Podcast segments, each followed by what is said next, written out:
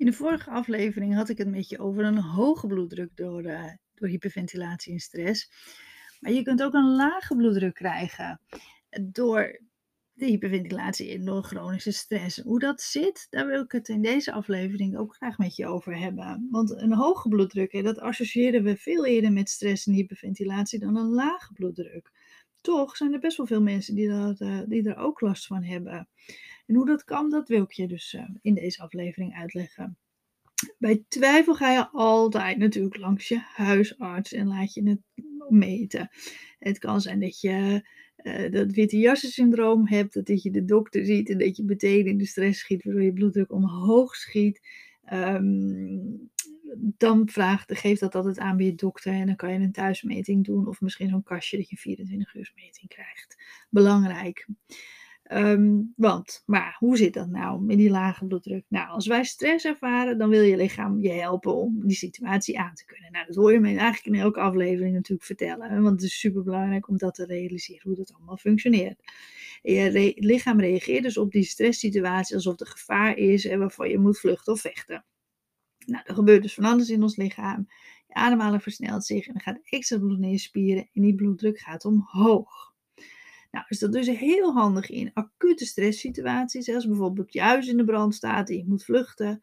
Maar als wij langere tijd stress hebben en het chronisch wordt, dan is het natuurlijk niet zo goed voor je lichaam en kan je klachten krijgen. Nou, want als wij langere tijd stress hebben, dan kan het zo zijn dat je lichaam dus eigenlijk zo moe wordt dat het niet meer adequaat kan reageren. Je komt dan bijvoorbeeld in een burn-out terecht of je bent echt oververmoeid geraakt. Nou, de rek is er dan als het ware uit en je lichaam heeft de energie niet meer om die angst- en panieksituatie, om daar goed op te reageren. En dan kan het dus zo zijn dat je ook een te lage bloeddruk krijgt. Je lichaam kan dus niet meer zo goed op die stress reageren. De rek is eruit, je bent gewoon zo eigenlijk oververmoeid dat, dat, je, dat, dat die energie er niet meer is om, ja, om, om, die stresssituatie, uh, om die stressreactie op te wekken. Nou, klachten van een lage bloeddruk uh, zijn Ehm, dus een lage tensie noemen we het ook wel eens. Duizeligheid, bijvoorbeeld vooral bij het snel opstaan of bij lang staan. Het gevoel van flauwvallen.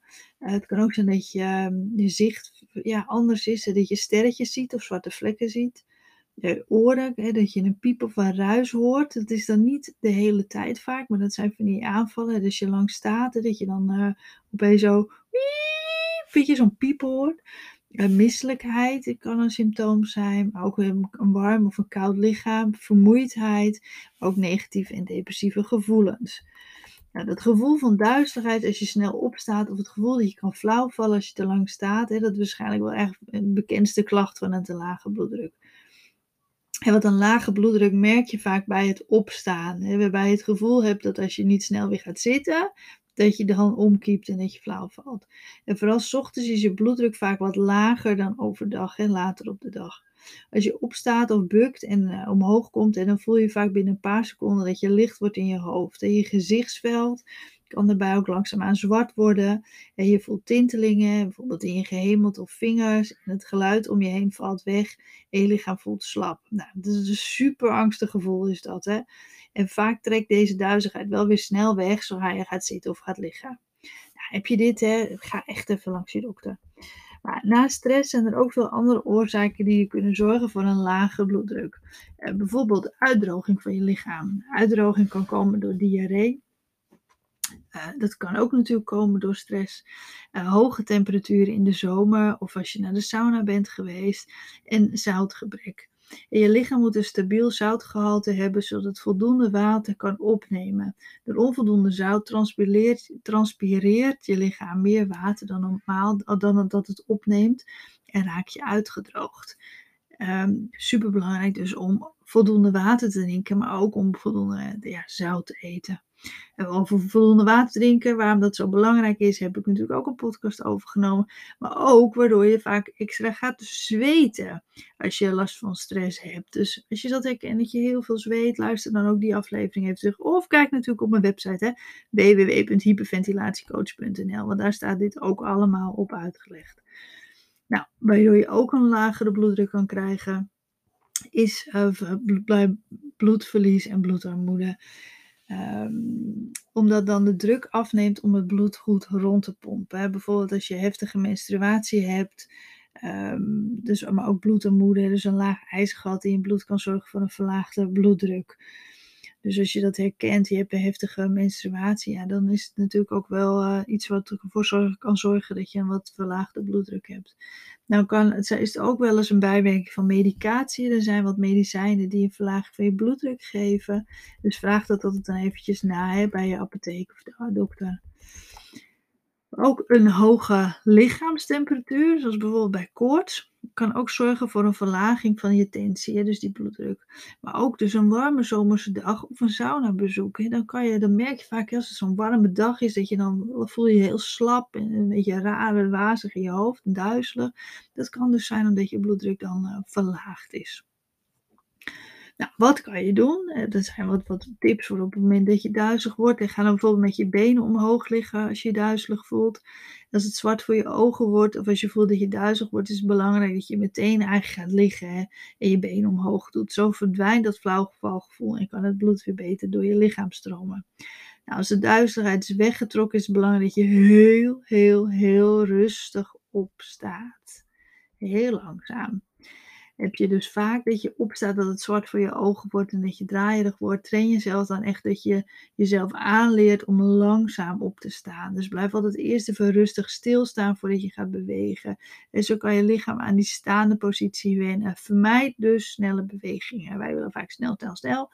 Nee, train jezelf. En laat jezelf eraan wennen dat je gewoon veel trager langzamer gaat bewegen. Vooral opstaan ook super belangrijk dat je eet en dat je goed, dat je gezond eet en drinkt en dat je voldoende eet en drinkt. Het is namelijk belangrijk dat je lichaam een stabiel zoutgehalte heeft, zodat je voldoende water kunt opnemen. dat doe je door gezond te eten, maar vooral ook door genoeg water te drinken. En ook regelmatig eten is heel erg aan te raden, zodat je bloedsuikerspiegel stabiel blijft. En want een gezonde leefstijl geeft een gezond lichaam. Het is dus heel belangrijk dat je goed voor jezelf zorgt. Dus genoeg slapen, ontspannen en het aanbrengen van structuur in je leven. Schaap vaste tijden naar bed en slaap voldoende. Maar ook bewegen is heel erg belangrijk. Je hoort het mij zeggen bij die hoge bloeddruk, maar ook bij een lage bloeddruk is het belangrijk. Dus probeer regelmatig te bewegen, het liefst in die buitenlucht. En misschien vind je sporten wat spannend hè, door die duizelingen of heb je last van angst en paniek probeer het bewegen dan gewoon rustig op te bouwen. Ga bijvoorbeeld wandelen of thuis op je, op je home trainer wat fietsen of doe thuis wat oefeningetjes. Of vraag iemand die met je mee gaat wandelen, waardoor je niet alleen bent. Dus probeer gewoon rustig ja, toch wat meer te gaan bewegen. En dat eh, binnen jouw mogelijkheden en grenzen. Dus samenvattend, lage bloeddruk kan ook echt komen door te veel aan stress. En is je lichaam eigenlijk zo moe dat het niet meer zo goed kan reageren op stress. En dat kan zich dus uiten in een lage bloeddruk. Maar er zijn ook andere oorzaken die mee kunnen spelen. Vandaar is het echt aan te raden om daar eventjes langs je dokter te gaan daarmee. En zoals met alles, stress Probeer dat te vermijden. Als het niet lukt, probeer dan nog beter voor jezelf te zorgen. Dus gezond eten, voldoende water drinken, bewegen, ontspannen, voldoende slapen.